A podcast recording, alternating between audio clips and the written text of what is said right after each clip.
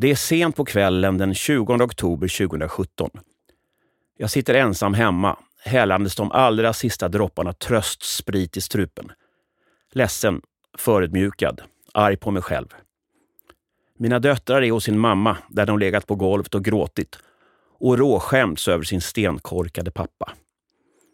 Jag är också rädd, på riktigt rädd, att mitt yrkesliv som journalist är över. Ska jag nu cancelleras in i pensionen?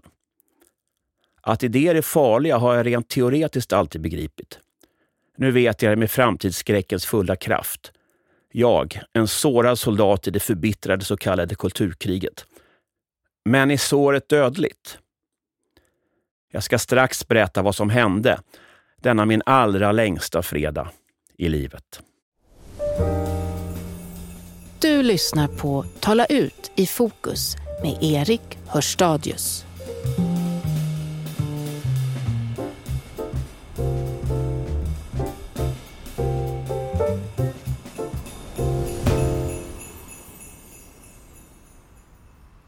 Kulturkriget som begrepp har en brokig bakgrund.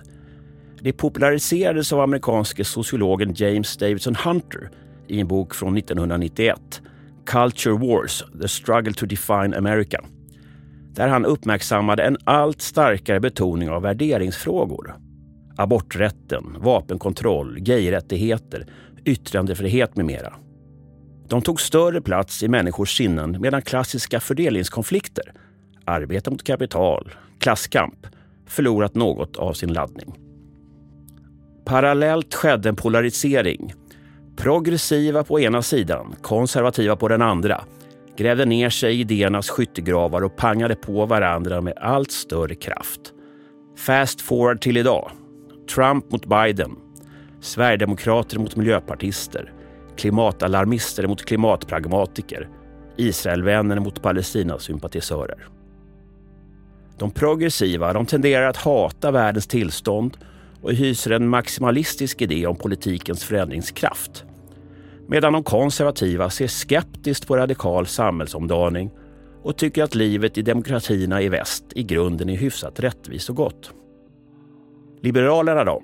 Ja, de fördelar sig också kring de här polerna men försöker vara lite i mitten samtidigt. De hamnar alltså ofta i spagat. Själv kulturkrigade jag redan som barn på 70-talet inte minst mot min förtjusande men svårt vänsterindoktrinerade mamma. Hon kunde till exempel inte för sitt liv erkänna att människor var olika intelligenta. På något skruvat sätt förknippade hon prat om kognitiva skillnader med elitism, ja nästan nazism. Och mot klasskompisar hävdade jag arvets betydelse för personligheten och begåvningsprofilen.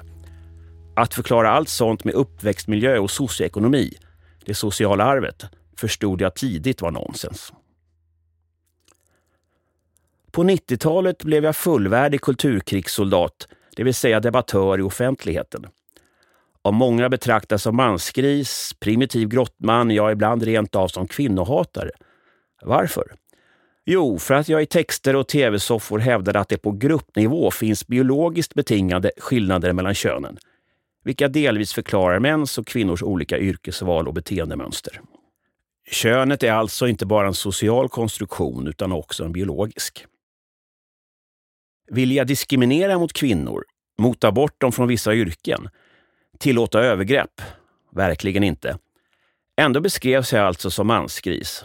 Kulorna visslade längs öronen och jag kickade på åsiktsadrenalinet.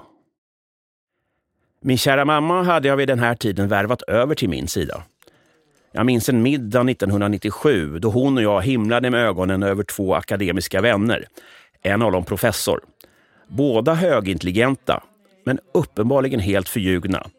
För de påstod på fullast allvar att alla skolelever egentligen är lika begåvade på matematik.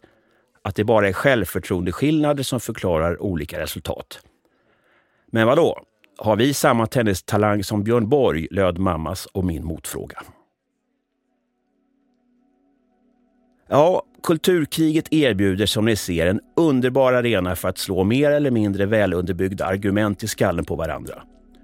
Och som verksam i media har jag kunnat tjäna pengar och få uppmärksamhet på det. Det är kul att vara skrivbordsgeneral. Man får skjuta argument vilt omkring sig och slipper träffas av riktiga kulor. Visst är det trist att kalla sånt som rasist när man förespråkar till exempel åtstramad invandring. Och som dotterpappa är det inte kul att kallas kvinnohatare. Men det är trots allt bara ord.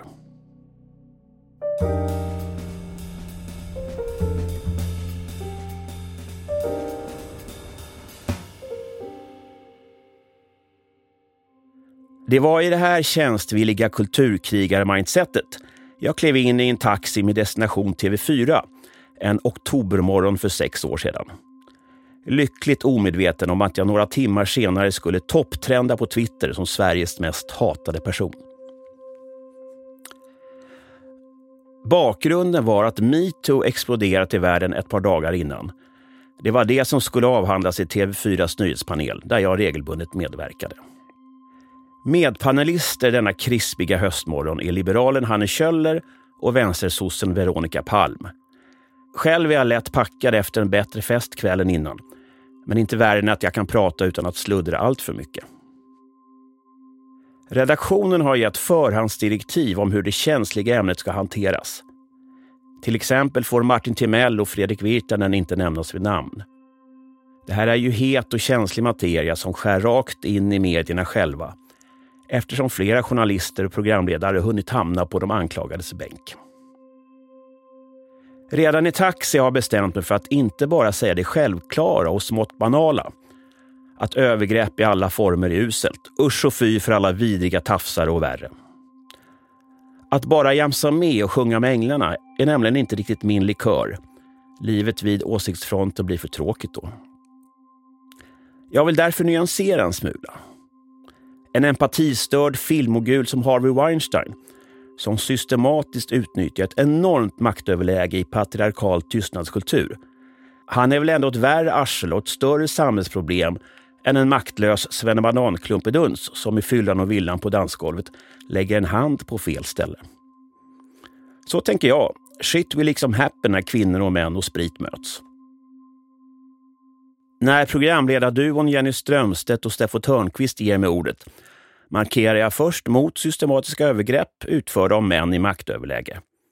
Sedan kommer mitt ödesdigra försök till nyansering. Här något förkortat. Vi får inte ta bort det som handlar om både vardagens och festens glädjerika flört, något litet det halvfulla farbrors tafs som inte är illa menat. Men vad säger du nu? protesterar Jenny Strömstedt. Jag försöker fördjupa mitt resonemang. Jag, jag, jag pratar, har pratat mycket med mina döttrar, de är 15 och 17, om den här saken senaste dagarna. De, de säger så här, åh vad roligt det ska bli att gå på fest och få en halvfull farbror som tafsar på mig. Nej, självklart inte. Jag vill inte att de ska leva i någon liten, väldigt rentvättad bubbla där de aldrig har sett någon göra bort sig på fyllan. Aldrig hört ett idiotiskt skämt. Vi måste vara lite toleranta. Ja, vi förstår poängen där. Ja, ni hör ju. Snaran dras åt runt min hals. Genom eget rep dessutom. Well, om det här taffliga försöket att få in vanliga män och kvinnor av kött och blod i analysen kan man lugnt säga too soon. När akten var över och Nyhetsmorgon gick till reklam frågade jag Steffo. Överlever jag det här? Jag tror det, sa han och såg inte ut att mena det. Sen gick allt ganska snabbt utför. Kort efter min hemkomst från TV4 ringde en mycket ledsen äldsta dotter Nadja. Öppna datorn pappa. Jag löd. Och det steg liksom upp ett giftigt Stephen King-moln från skärmen. Stora feministkonton hade klippt ut mina mest korkade formuleringar som nu fick gå i evig repeat. I kommentarsfälten, snart med tusentals inlägg, var jag djävulen själv. Här några av de snällare kommentarerna hämtade från TV4s egen Facebook. Späckade för övrigt med aggressiva emojis. En Annika skriver den värsta skit jag hört på riktigt länge. Så fruktansvärt kast av er att låta honom uttrycka sig så här. Och Susanne skriver Vidrigt uttalande av gubbslemmet Hörstadius. Hur i fasen kunde TV4 låta honom raljera över fyllgubbars tafsande? Några dagar senare, efter att jag vågat mig ut på stan för att handla, skrev en kvinnlig hög chef på sociala medier. Jag såg Erik Hörstadius på Sveavägen. Då spottade jag i marken och sa usch. Själv hade jag lyckligtvis missat hennes lilla demonstration av förakt.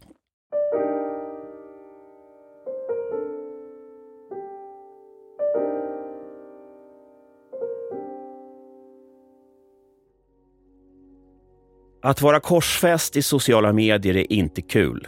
Det kan jag säga. Döttrarna grät och ville byta efternamn och fasade för att efter helgen behöva gå till sina wokiga innerstadsskolor. Vad skulle skolkamraterna säga om deras djävulsfarsa?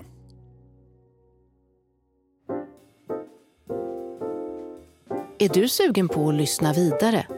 Då kan du låsa upp resten av det här avsnittet genom att teckna en prenumeration på fokus.se prenumerera. Som prenumerant har du också tillgång till Fokus alla artiklar och poddar. Fokus.se prenumerera.